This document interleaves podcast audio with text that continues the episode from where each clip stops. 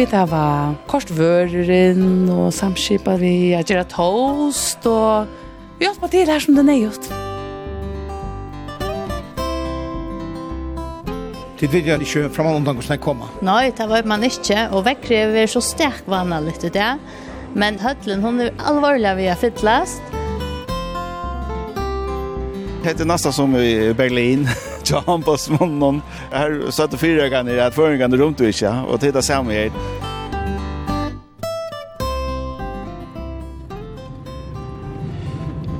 Gå Gåan vær.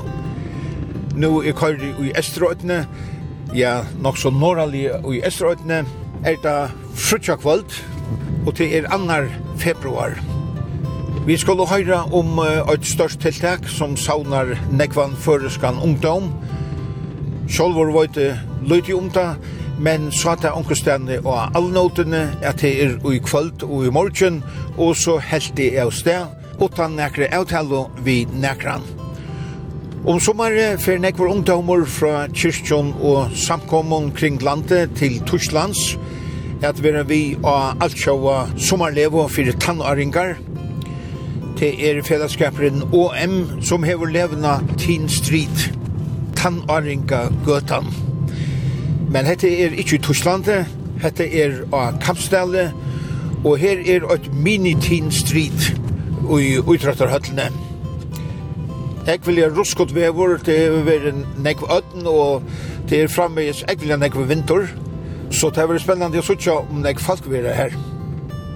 Hette er vi tåre og tåre og mini-teen street av Kampsdale.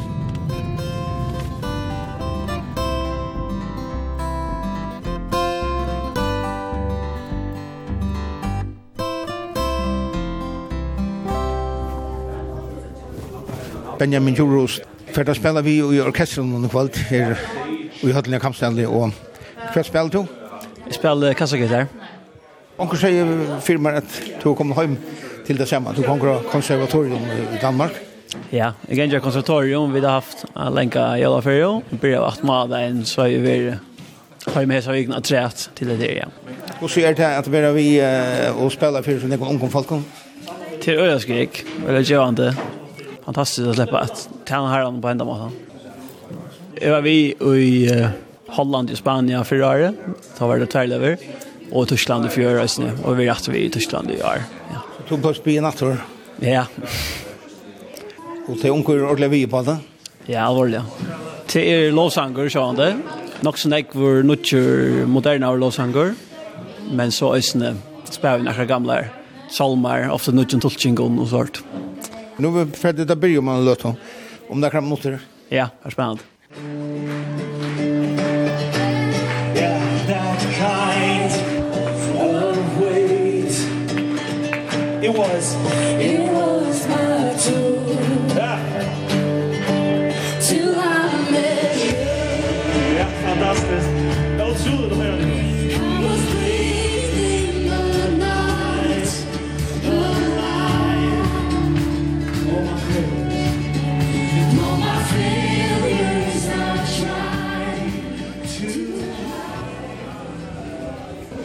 jo i skårene bort til Lorvig og til råkast her, og sitter på nå er ikke nek folk akkurat her, men nå er det ferdig gongt inn i høtlene. Ja. Men det ser ut til å bli nek folk. Tid tar nokka mæte? Jo, vi tar nokka mæte. Det som du sørst her, hette her til hjelperfolk, townløyger og tekniker og ljøfolk og ja, alt som er hjelpa til er velkommen inn her og kvilla seg en løtte og få okst godt å ete.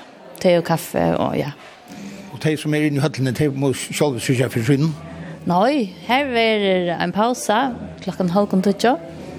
Ta få at de frukt, og halte kake og boller, og så kunne de kjøpe toast. Og her vil sånn av vatten til kjeps, øsene og vatten fra kyrve. Det kommer folk og sjore vi at lærer vørene herfra. Och så kan man ja, man kan köpa så här förskälligt så man kan köpa så här vatten och dricka så att vatten men te och kaffe te är så gratis. Så tid vill jag inte fram undan och komma. Nej, det var man inte och väckrever så stark vanna lite där. Men det helt ser ut till att höllen hon är allvarliga vi har fittlast. Och ja, vi har köpt koppar till 2000 folk i kväll. Så ja, ja, alla är välkomna. Och här är bara ung och gammal. Det är ordentligt stort lite. Ranti Hansen, du er ur til bølsen som skipper fyrjesen her tiltæsen av kampstellen i kveld og i morgen lærer den.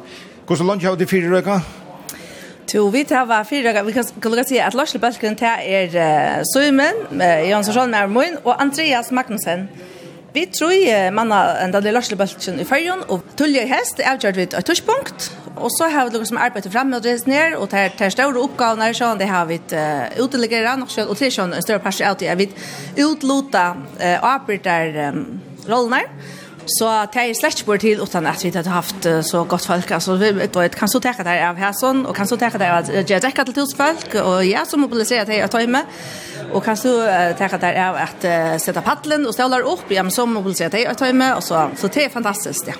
Jeg vil sagt, altså, de, de som er og lukker som, som, som vi da bygge, det er ganske ut for er en 20 folk kanskje, og så har de kanskje bygge en 20 folk, eller må jeg rett her, Og det som er vi tinsi, som er så utrolig stort litt, det er at det er, at det er, at det er tvørkjørslitt. Så det er også nekvar hjelpande hendur til. Det er fantastiska stort litt, sånn det er velviltene som vi møter fra felt. Får jag det da mini tinstrid? Ja, alltså det är ju eller mini det passar och och det ska se vi har haft detta helt till nära för för och sjönde sörst för var i 2019 och ta en kväll ta värda om 1000 folk. Och det är ju eller mini Men man kan säga mini är alltid att det inte är en höj leva. Att det är det dreja sig om två dagar och och sånt en tids leva där som är i Tyskland i alla fall där är det en vecka. Hur länge folk vill kvalt? Jeg vet ikke, nå kan man si at uh, vekkere spiller ikke ordentlig vi, og vi där er ikke, vi där är øyelig upptidsen av det kan man säga. Vi har oss fram av samband vi värståna och så vidare. Men det vill helt i avvisning. Jag kört att vi kör sånt i utan när vi mättar försvarligt. Vi har også skilt alene at uh, folk atlas har kommet imsastan fra landet noen. og ungdomstiltøk som annars uh, blir av vera for ikke å lære kveld, de er jo avløs for at de kunne komme her i, i fela. Så jeg vet ikke, vi har sagt med til 500 000. Jeg brøtt med, men jeg vet ikke, hva det så sånn. Det som også er interessant, det er at Tvinsrid er omgang til å bli avlust, helt ikke koronasort, men vi har bare haft noen alternativa lever. Og i 2020, ta ble det så sånn at i førjen ble det tutsi lever rundt omkring i landet her som vi liksom kastet en bølt opp til det imenske samkomne og møgnadene, og at det kunne lofta, og det utsluttet så i at det var tutsi lever rundt om i landet som er vi har langere enn ærer, og som er måtte stekke sin fyrbrukken av covid. Men i 2021 ta hatt vi en større levo i skolan i Artehamre. Og ta var det, var det øyne til Sintemor åpe er stedet i Europa, så ta hatt og ta omkring ting som luktes øyne. Men så var det i um, 2022, ta var det stadigvæk ikke mett av reilt jeg har ordentlig større lever. Så ta ble falskene på Suntor i sommervøra levo i Holland og sommervøra i Spanien, og føringene var så levo i Spanien. Og så var det atre største år i Tyskland. Og derfor er vi så atre sommer, det samme sted. Ja, i färgen hade vært om ett så vanligt år hade i nekvar var det 300 og i nox nekvar var det hade det 400 folk. Og her kan man se at den største personen av Toymon är Lev Lotakar, ganske 200 til 300 Lev Lotakar og så annars hjälpar folk. Hvor spør det til at sånne ung folk går färgen färra til Tysklands og, eller slukka levo. Ja, tror vi det vi har nekvar lever i färgen, nekvar sommarlever og nekvar ungdomslever som är otroliga goda Och det är ordentligt viktigt för oss att uh, som att se att att, att tingsrätt är inte en kapping vi tar och helt inte tar man huxar om att hjälpa fälsarna. Men kanske är det så att det är att det är åttalanda, man följer som smarsna tog, kanske är det inte bättre vävor, och så är man kan släppa en tur hos Maurits och McDonalds. Men så är det så att det finns det är Det är sin øvelse. Och jeg må säga att, at siden vi kom på i mer damer ordla väl tandpackan som tinsit är. Er, og det blir serveret på en ordentlig ungdomlig måte. Ta du har undervisning og i de større høttene, så pratar det kanske 20 minutter och så er det några spøl som är och ordla. Ekvislig ganska och så är det låsankor och så är det en danser, och så er det videolä och så är det astro. det er alla möjliga mattar men men allt stolar till fälla till samma boskap någon och til tema någon som är till arden. Det er en par av och så är det ösnet som det kallas small groups som det lägger otroligt så att som er til tar lutte balkene, som er en fintel tjej ung i hver balkje, som har en løyere. Og her som man så her vet er andagshefte, som man jøkken gong og jøkken vikna, som hong sær sammen vi undervisningen til større høttene. Og en parse av tog er at jeg sitter pura for seg selv og østene og granska. Og leser bøyplene, og så er det og svære spørningen, og alt blir omsett til førsmål. så de sitter och läser det og, og tar vi in i til større høttene, tar det også mulighet til å få eh förska tolkning. Alltså man kan se om det är det akkurat som som eldas och alltså bara utan en, en droppe av, av några Jailon alltså och bara en dålig god stämning och och ösen som sagt det är internationella tandstämningen. Och det är så öl alltså tvåst. Att vi är mitt ung kvanta maten det är så otroligt stort lite. Så för det runt och så köper det så här så köper det chips och så köper det något och så är det en banana joe till och helt fast inventar att insitt och mocktails som är ösen här kväll och så spelar det flåpelt och Alltså och fotboll och att vara det är otroligt honalligt socialt just. Det här var utländska bychan här ikväll och i morgon. Yes. Det är ett par som heter Josh och Debs Walker. Det är upprunliga uirar men byggva i USA nu och just i Texas. Og de er kommet um, til farger nå. De kommer fast lent og sånne bare, vi ser ut og fyllte øyne vel vi av flight radar, for jeg vet om, ta, om det lukkes. Og de gjør det. Og de er kommet til farger for vi har vi hestet igjen her, og for jeg ser etter måneden. De er jo kjent fra Tinstrid Høpe. De har undervist i Tyskland og i Orland jeg var i 20 år. Og de har bare nekket til vi er samskiftet vidt i unge. Dorita Jakobsen, du er så smilande for du en oppgave her av Mini Teen Street? Ja, altså, det er Sintra Akvarium. Vi har korsvøren og samskipet, vi Jeg gjør toast og Vi har til her som det er gjort. Man kommer inn så får man vite at det er nekva gjør, og så tenker man fatt der som fatt kan tekast. Det som er så godt ved Minity Street er et samlande tiltak her som vi har folk fra Øtlund tror at noen som kommer og de mer tilkomne og de er øyne røske hjelpe til og man gjør røsene til at uh, for spøttene til øynene er her og man vil gjerne stola og Så alt tek og tek for jeg få det til et ebra godt tiltak. Jeg selv um, vidkom, eller vidt er flere her fra samkomne Manuel i Høyvøk. Med landet de som stand her og gjør et toast. Med og mer er flere her av bønner til noen. Det så er sånn at uh, det er en bjøy til forbøn, at han har hvis jo i omkring bruk for det byen fire. Og her er det også folk er fra Øtland 2-retningen inne i, inn i bønner som kan være her og be sammen med dem noen byr man til å komma fram med att börja byen for det, som man Nei, det är nok så typiskt för Svitsinja och så vidare Åreboa och det er unge i det är öliga åpen och Jag har det en eller annen törv, eller har bruk för å prata med voksne, ja, men så vita de att möjligheten är affär i bönerummet. Och här är erfaren folk som de kan prata vi och så kunde det vara byen for det, visst det har bruk för det, eller bare har bruk för å prata med en vuxna om akkurat som kanske genera det i løven noen, eller akkurat som det er østene hodla gledast om, så kunne det døyla det vi omkring han vaksna. Det er så øyelig imist, altså, vi har jo unge folk som kanskje har vært oppe noen, de kanskje har vært elte salene, de eh, vilja kanskje komme kjenne god betur, føla kanskje at, uh, tror akkurat som det blir kjedd av løven noen, altså, god er jo ikke for lite til nekka, og ikke for større til nekka, så de kunne egentlig be om forbund for hvert enn de vilja. Så de få møveløkene, det har vi nok sagt fra scenen i kvöld, at hvis du jeg har bruk for å være byen fire, at jeg har bruk for å prate med en vaksne, det er jo erfaren folk som er inne i bønnerum, noen tidsbrøy inn kvør, så er det velkomne for inn her. Det er noe som er vel selv. Ja. Tom Jakobsen ur City Church, du er en av telleren noen kveld. Ja. Som skal opp av paddelen og, og ta seg for just ned mange unge folk. Hva er evnen kjøtt her? Ja til å evne for alle av de mine tidsri tiltak er sammen, at livet er livet sammen, og at, at livet er andalig livet sammen, at det ikke er et one-man-show, men at det er best gjørst i selskap i åren. Så det er høvustemaet, så for jeg ikke synes på hvordan det kan så ut. Vi er sindre av underhalte, og sindre av avålet, og sindre av kappingen, og så forskjellig. Det er det som vi tror oss best i, og det er alltid det som vi er skapt til. Det er å være sammen med Jørgen, så, så det er det vi tar folk så, ja. Men man kan også ha det lukket godt, altså, Alltså matla. Jag vill slut. Jag kan man inte. Och det går helt att det är man är unga det som matla. går draft vi igen så så det är ett perspektiv som vi tar. Så ja ja, det är väl öle gott och spänt. Och du merker att det losta? Ja ja, nu har vi bara prövat en av för ta var ut i Tyskland och ta var allt enskon. Och min tidsrid har vi svär och under år nu. Ja, och corona och allt det där och så Så jo jo, man då så tjä att det är satt åter på ställen och i och i i samhället. så det är det gott jo. Gå ett nu. Tack för det. Tack för det.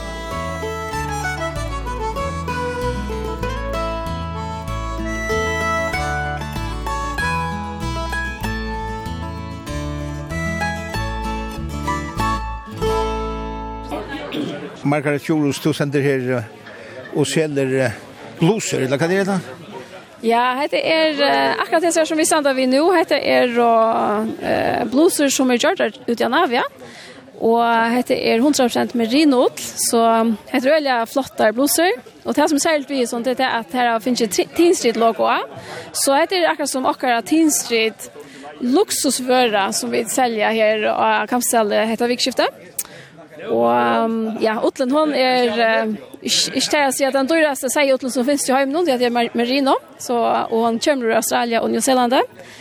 Eh, men det er framløyt av Tofton, eh, Ola Kristian som var inne, han har maskiner som, som binda, tror det er maskiner som binda trøsene, så det er bare framløyt der på bestilling, så sånn at uh, så kvart som vi säljer där så kan han gjøre där. Och det er stort viktig, det är att förvär och en kontor i Navia og en passa OM och här som OM kontor var här ständ om jag Kina så här det är syndra så någon OM kommer attor från Navia, nu innan tingsrätten så det är synd skräck Är det väl omtakt där du säger? Ja, alltså det første så för vi det har provat akra hettar så det är helt nytt och langt och nu är det flere som halter at det er fantastiska läckrar. Så det var spännande att vite hvordan det var mottecknar. Men det är ju sånt ikke helt buljar så det er nok ikke ta første man løper etter, men hvis man vil ha en ordentlig läckra som helder lunsje, så er det nok etter man för etter. TS. Ja, TS stender for Teen Street, alltså Tannarenga Göta. Gøta.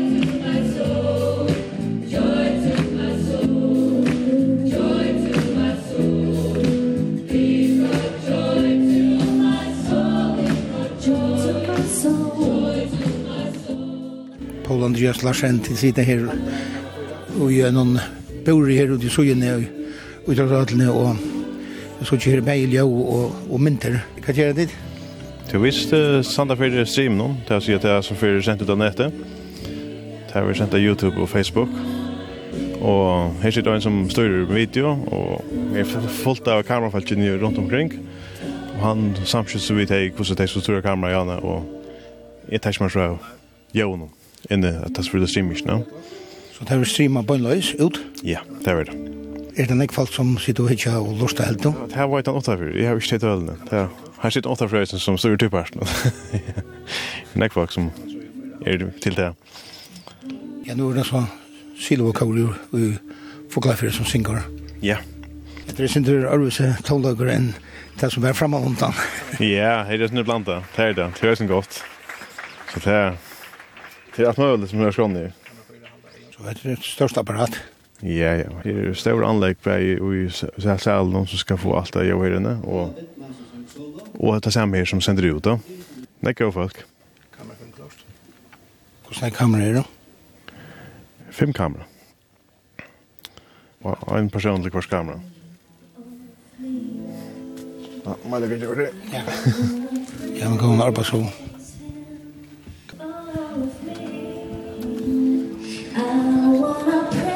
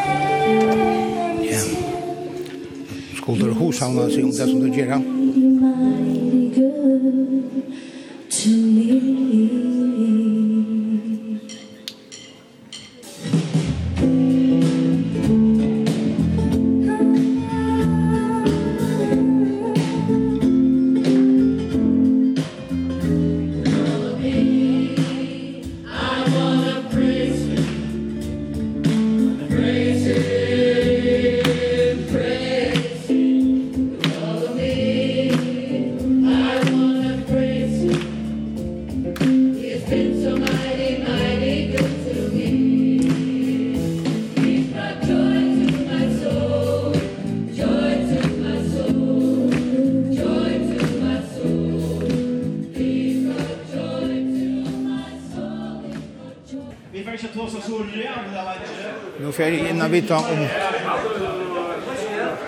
Nå soppa er etter her inne. Det er som hjelper av falsk nere. Er nok soppa etter? Ja, hva fatter? Takk for det.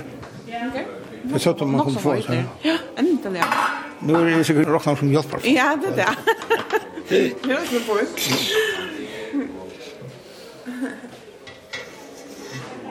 Du og man tilbyr det gamle huset. Og så gå platt.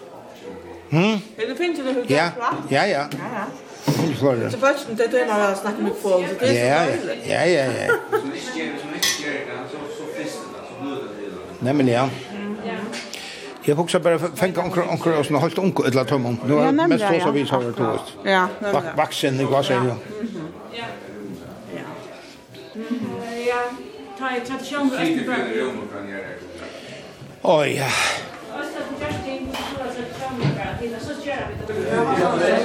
Kristina er tøyenen ur havn, du er 16 år. Hva sier du uh, om det her i kveld? Jo, jeg har haft det nok godt. Ja, og gå sanger og... Ja, jeg var tinsitt i Spania i 2022.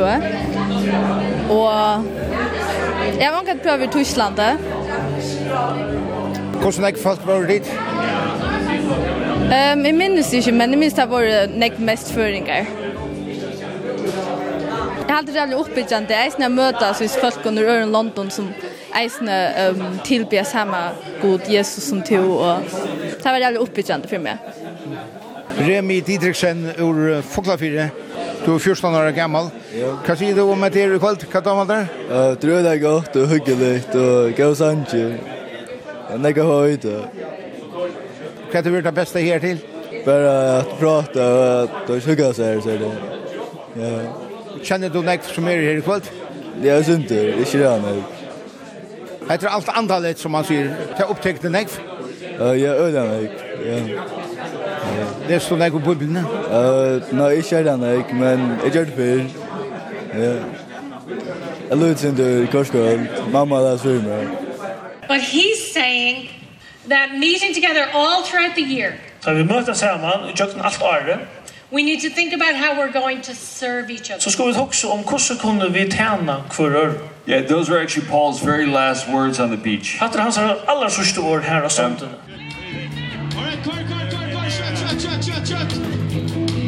Vi må hetta deg i jökten, hjelpa deg mål å komme. Runt, runt, runt, runt, fight, du går der, du må hjelpa deg, du er rundt i mønskene der.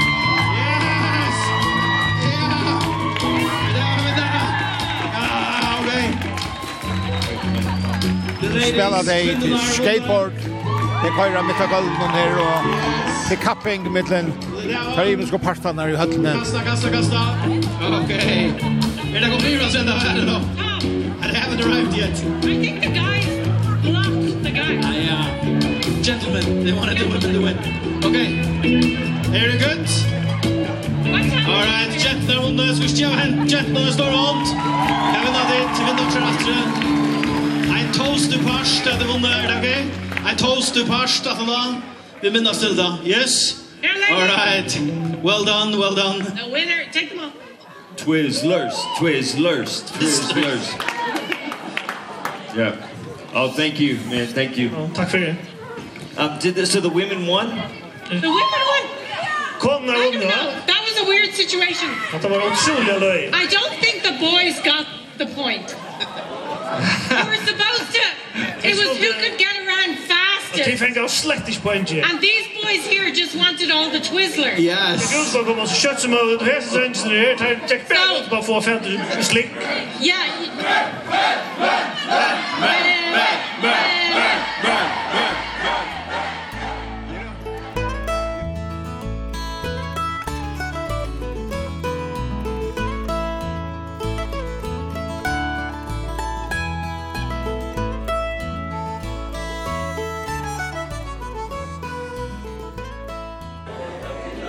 Andreas Magnussen, du erst i uh, løslinne fire tinsrit i førjon. Hva er endamålet ved tinsrit? Ja, så endamålet er, det er en, en kristen ungdomsleva, så endamålet er at uh, samla folk, alle mulige stedene fra, føringar og ære stedene til en altsjava leva, som vi møtes sammen i Tyskland og i Øynaviko, Og her er det saman om en kristnan båskap, så det er enda male at uh, jeg styrkja deg i trunne og i tog fellesskapen om å være saman om det kristne båskapen. Tinstid byrja jo i 1993, tog at det er en parster av OM, Operation Mobilization.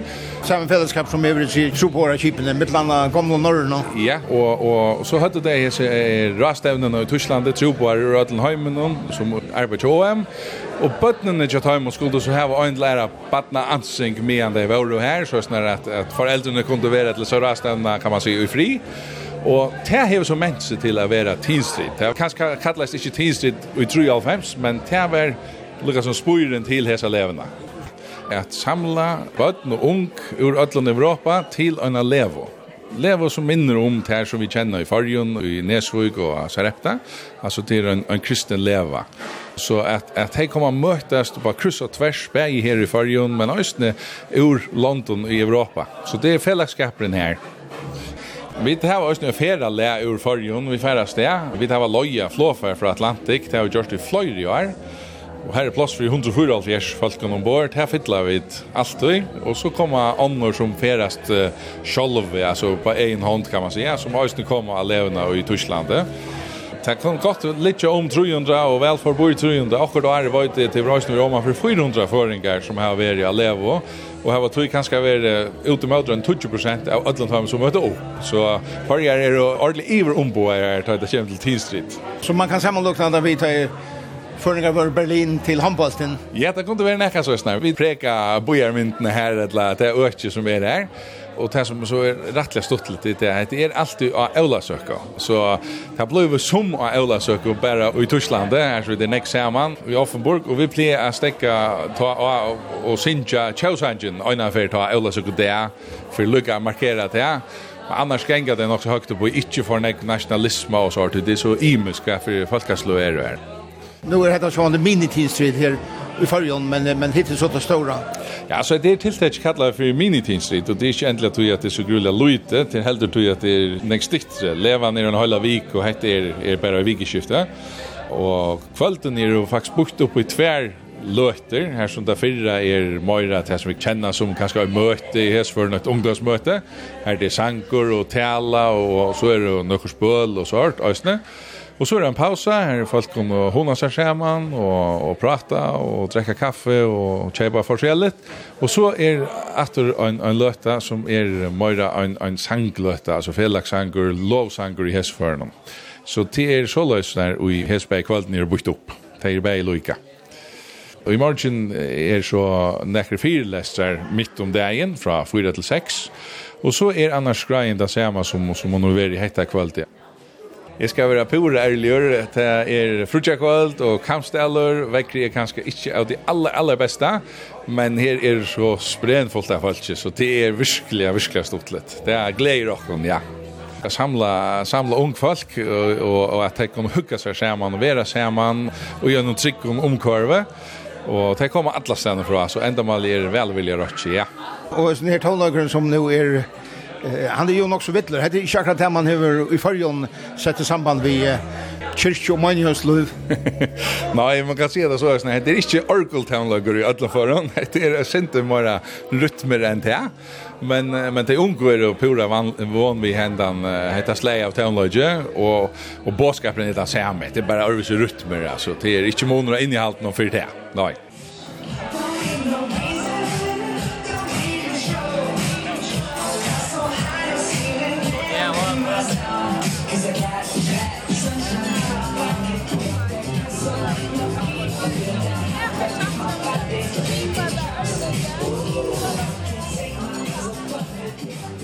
Johanna Lutzen, du er 26 år gammel.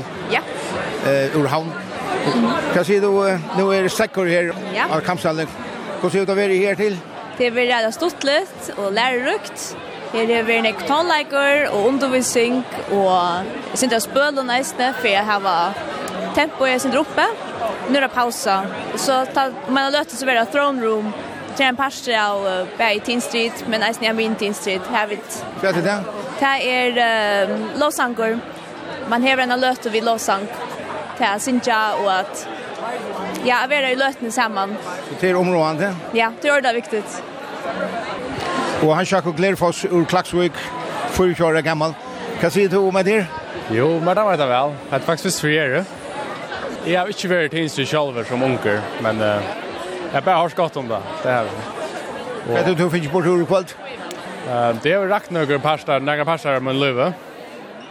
at jeg blir samman. Det är noe man man brukar göra mer. Ja, också man får lite om till dagligt. Ja.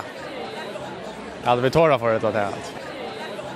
Till de som som ikke får vara här så er det eh, tinsvid i sommar och det är just orla gevande att man får samvärde vid öron falkon man får orla koncentrera sig och sätta sig in i biblarna samman vid öron falkon nästan. Alltså det som är i Tyskland? Ja, det är så cool. Du är själv? Ja, jag är själv som levlotäkare, tvärfritt jobbar folk och är som lejare Og ta manglar så att säga alltid lejare. 20 plus eller 21 plus. Jeg fikk faktisk mest på sjurta ta jeg var lejare. Til man skal se at det sier mer in i det. Hildur Skåp Jakobsen ur Saltangara. Du sitter her og selger t-shirter. Ja. Hva sier du om kvalitet her til? Det blir ordentlig godt. Gode tonelager og båskaper. Og her er ordentlig folk, så det er virkelig ordentlig godt. Mm -hmm. Kjenner du den kvalitet som ungfolten? Ja, vi er nek vindfolk som er her, men til nok nek yngre nå, kjenner jeg så nek, men vi er nok vindfolk, ja. Hette er Orla Større Tutning, og for at som høyde er å møte noen som er stjener til sammen, og for at vi kan komme sammen som tryggvande, og ta seg, og skaffe noen vinnarbånd. Ja, det er Orla godt. Mhm. Mm Og man får att dricka och mocktails ja och vi säljer t-shirtar eller sen det ser man och så mini tinstrid av kampstallet, annan till 3 februari 2024 och så logo i tinstrid och logo i OM är det snart Og har du vært i Tinstrid uh, utenlands? Ja, jeg var i 2000 og Nujtjan aldri. Mm -hmm. Da var det i Offenburg aldri, det du. Ja, Tyskland. Opplevelse for løyve. Mm -hmm. För det det som er så godt vet du? Halde man något speciellt vi har man för Ottalanda och vi ser man ju öron folk kom från London, Assens och Ter och Stolt. Upplevelsen är kvinna för en vigo. Hva gör det så tiltak som som heter för det? Alltså heter Go Armening om att vi skulle gänga den rätta vägen och Armeningar läsa och evangelis och lagotalja. Mm det är viktigt att få i det unga. Mhm. Takk for för det. Du har de som vil köpa från dig här. Ja. Och en t-shirt kostar 200 kronor.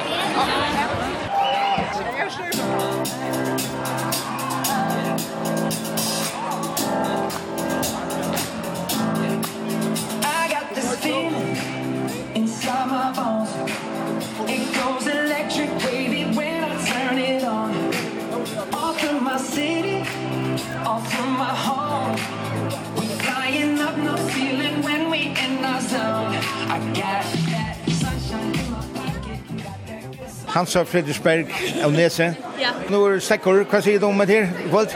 Ja, det er altså, så helt ekstremt godt. Tinsen er 8 måneder hjertemale, og så har vi det her i førre, og det er bare så skikkelig godt. Hva sier du til, vet du? Nu har vi upplevt det i nok som jeg var.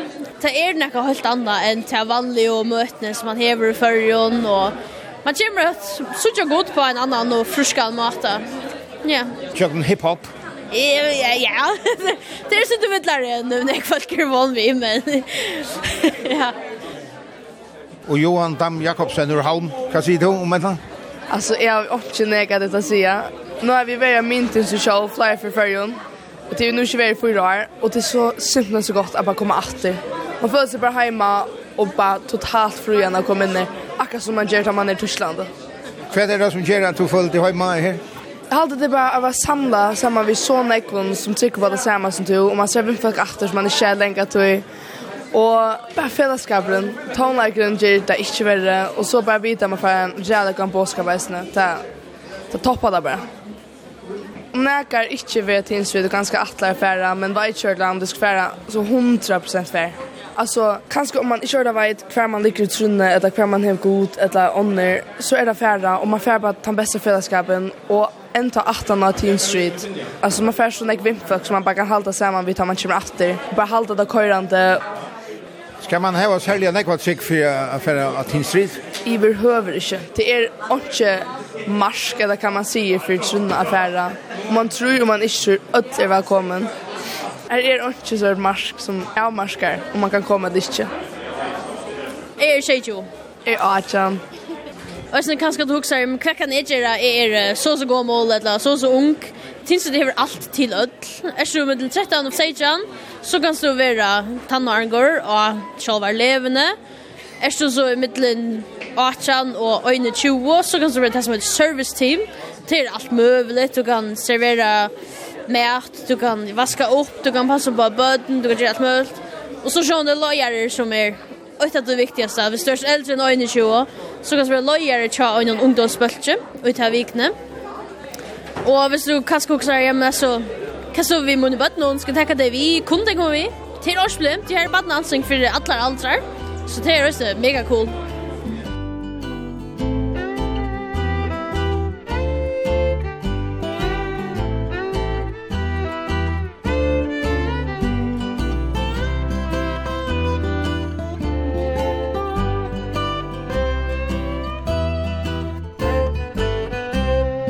Og en fellesskaperen som uh, kipa i fire hesar i her uh, mini-tinstrid som vi tar om, hever skrivstovu i fyrjon, i Jotse Skrøderskøtu i Havn, til Øyder Skansehuset, og daglige løyere tja OM i fyrjon er Daniel Aurana, og Daniel, hva er virksomhet tja OM i fyrjon? Ja, så OM stender for operasjon mobilisering, Og høvus endamalet tja okkon i fyrjun er a få føringar at uh, hugsa om misjon og a færre ut i misjon, stola misjona i miskavatar. Det är så en pastor av en allheimsfällskap och så vi har 140 her, i Laxart och vi det är visst nu är 120 land och något om i hemmen. Så det är det är en öliga stor fellesskap.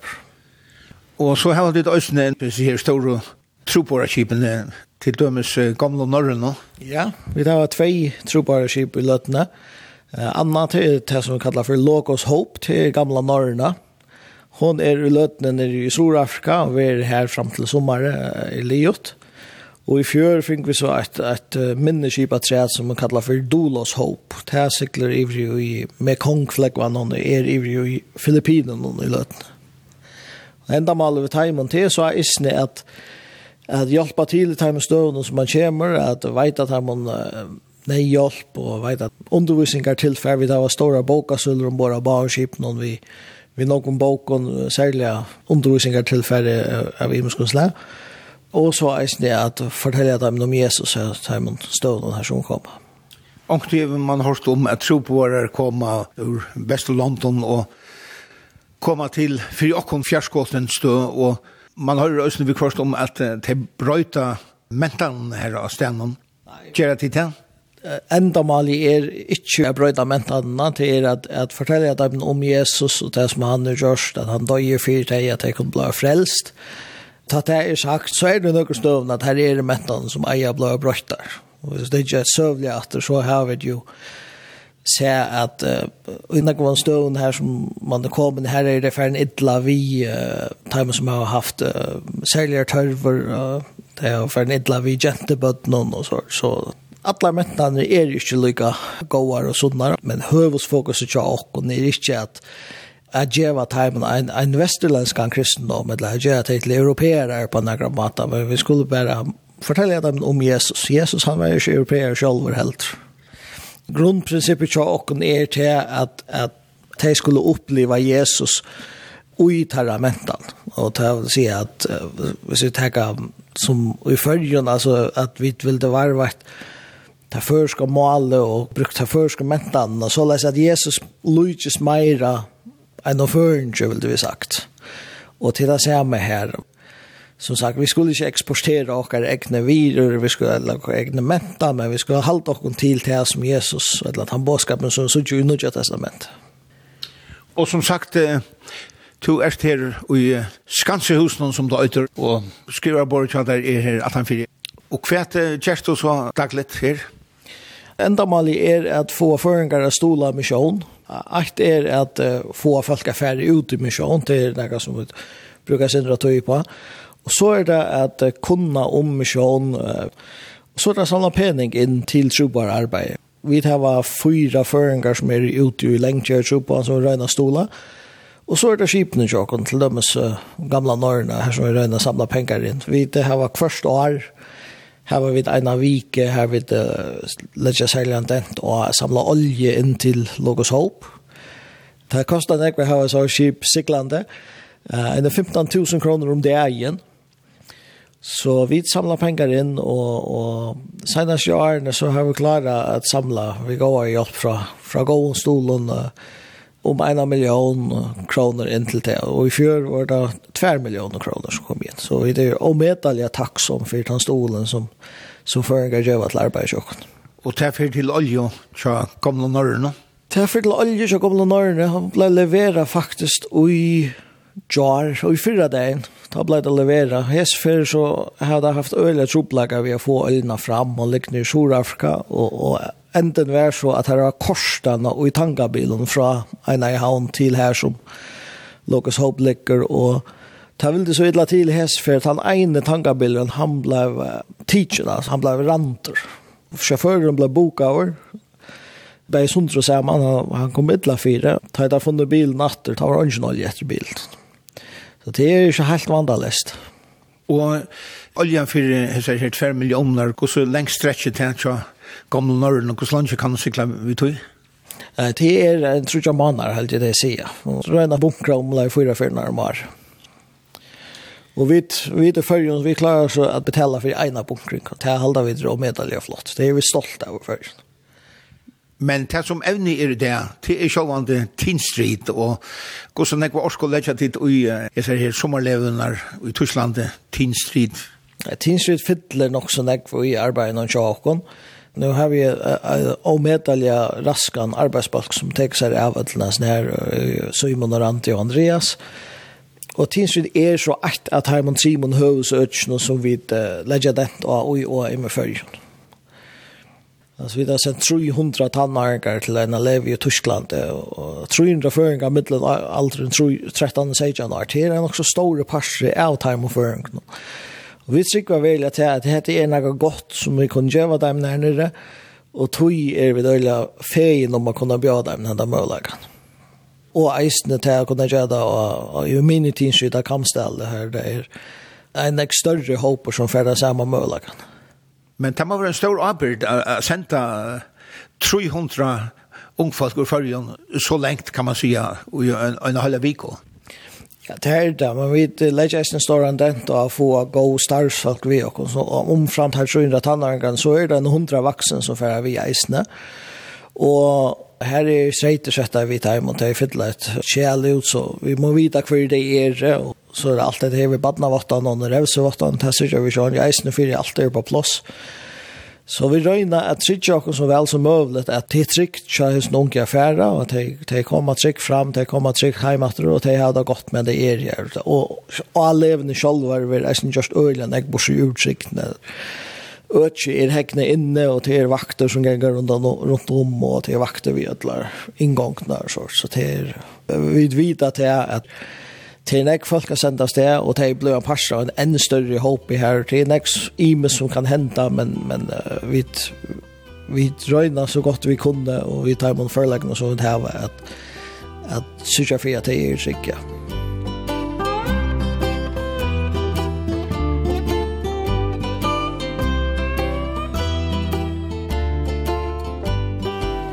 Uh, og så er det Elin Nesamar, hun får ha om hvordan han er brøydinger, Och visst det näka som tror att ta sånt så är det Elin.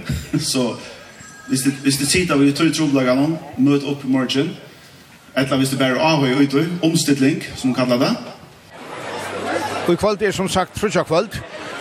Men i morgen uh, lejer det en ta uh, seminar nere i min omskolan någon här kampställe och här är det imiske evne av skromne och Ellen Nesamar, du har åtta av evnen. Ja, jag ska ha ett seminar och det evne som jeg har valgt at ta som, det er brøyting, og det er sier farvel, så jeg kallar det for omstilling, og hvordan handferdig er brøyting. Og så fer jeg ta seg om det at brøyting er en par av løven, og det at vi fer fra omkron, og evne av stevnen er om med til annet om Paulus, som er skjema vi i nøkron øren tryggvande, og her sier han farvel vi til og tog huksa jeg at han vinklen inn, og Och kommer vi en anboj som har gjort mer personliga som, som handlar om hur vi kunde lyckas som fyra och om ta och vi skulle utjökna en av bröjting och lövn särskilt att vi vet ut i är men det kan också hjälpa oss om vi inte vet det. Några anboj till hur vi ser farväl och inställt locken och på att lyckas som kommer in i den nutje stövna som vi kommer in i. Och till en effektiv matte? Jeg halte til en effektiv matte. Jag har ju gått så mer till att skilja stövna sin bättre och kanskje ja, hjelpa, halte jeg. Hva er ni du hon? Jeg har en fra en teori, en bok som handler nok snakk om mettan, og til at vekse opp med mettaner, så det er faktisk min inngangsvinkel. TCK-bok, det blir nok så teoretiskt därför att det som allt det men det är ett anbud som vi brukt för att hjälpa bötten som växer upp kanske och jag är någon land och så flyttar det till ett annat land vis föräldrarna kanske arbeta och och flytta till ett nästa land att hjälpa barnen någon till att att omställa sig för att i ena ställen till det nästa. Och så är ju själva nöjt att omställa det. Nej. Det har vi nämligen och det tog är vi finns ju gakna och det själv. Det är ju faktiskt i Grönland och så flott till förjar och jag rör nog snäck att fram i mitten tejpa i London. Då är det teorin lukar som jag mer nog snäck så tog jag också säga att att det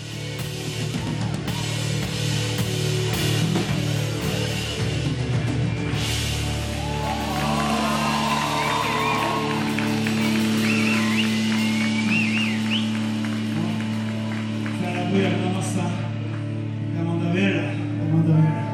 Det er mega vi på det, fantastisk. Takk for at jeg tente den bom på, det var det godt. Nå er det så lio til kvöld, frutja kvöld. Og han dagur er så etter, men uh, Søymen Johannes Hansen, du er i uh, Baltinon som fyrkipar uh, Tinsrid i fargen. Gossi er uh, kjenslan nu uh, hetta kvöld gir av. Jo, känslan är öliga gå. alltså vi tar till öll åt som åt rocken. Eh här är vi i Orskan och så vi vet näck och vinter och vi visste ju ordentligt om Justin Shawkon från Houston, Texas för Alenta och det var allt man säger att det är om all och onkel från äldre var kanske när vi så köra och så men men det var ju som att uh, det är inte helt jag kom för en natter. Jag var där jag tar i pausen var var kanske en tusen folk i höllen i Kampstallet. Och nu eh, gänga upp till unga bär och hon har vi runt om pratar och annan och och är det samman som vi ösna är även i chokon och och njuta samfläg kan annan och det är bara det är bara fantastiskt. Schalt vi det ut kort så så är det en fantastisk upplevelse att söka till unga och gå så här där samman så glädja er och gå ska ut er vi på en annan ösna. Nu är det en kul att ta så en allt väl liot men Her er nekk falken i høtlen igjen. Ja, det heter nästan som i Berlin. John Bosman. Här här så att fyra gånger att erfarenheten runt och ja och det där samma här det blev via hon så här runt om Borne och och så bara när vi då just såna sälja t-shirt till till till det igen tar vi ösen sälta rätt och det ser ut som att folk hon så här runt om Borne alltså. Just. Nu blir han toast. Och jag blir slött, det unko. Så en mer stilla sig på en stol och jag toast till att och ta jag att vara en go en go ut ju för Jordan. Men det är fantastiskt. Eh, hvis jag ska ta några fram så vill det säga att eh, att är vet till en en kvällssätt och i mina man kan ställa här och en kanning blir lagt fram här och i en klass i halvtid och några lärare kan ställa just en kanning om salar så jag onkon. Han kan inte gjort bäj i mina om kan ställa och glaser och i mina med sore. Og hun viser til at Salar har sagt at de unge kanskje er, er delande til verre, ja. Og, og man kan si at selv om vi har alle muligheter i det, kjøkken og sosiale miler, å komme tattere i hver så viser det som at de unge får det verre, at de er åndsommere, og de får det verre, at salarhøytsen er verre enn hva de er for kan lømmes fem år så gjerne. Det rakte meg, altså møyre enn en, en vanlig. Det er godt nok er det her et sort antallet, man sier endamal, men Men det er sannelig også et endamal å røkke til unge, så de skulle få et hakre kjølsvire. Bæje vi seg sjølvan, men øysene ser man ved sønnen vinen, at det ikke, som, som øysene kom fram i kvall at det ikke skulle føle at de skulle prestere noe for å kunne være i en fellesskap, at de skulle være en annen person, eller at kanskje en annan person som tar halte, att onkel annan vill ha det jag är skildo. Og det føler jeg at, uh, at han bådskapen kom øyelig grått fram i kvöld. Og det er jeg simpelthen så glad for det. Så at hvis vi kunne uh, i føreska samfunnet og litt av et lydesindre av kjølsfere inn i det unge, eller kanskje han som, som kanskje instrues vi til, så, så er ødelføren øyne enda mannen tjåken rått. Takk for det. Sjølver takk. Takk.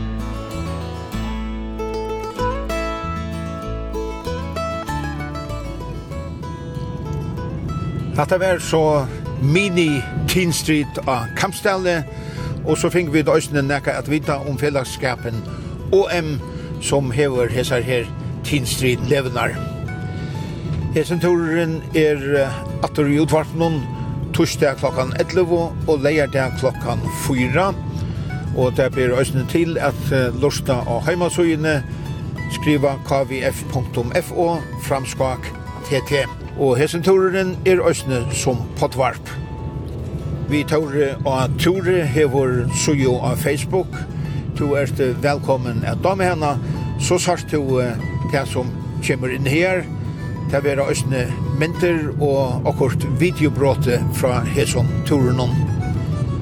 Om god vil, høyrast vid ator om Aina Vigå. Takk fyrir og i det.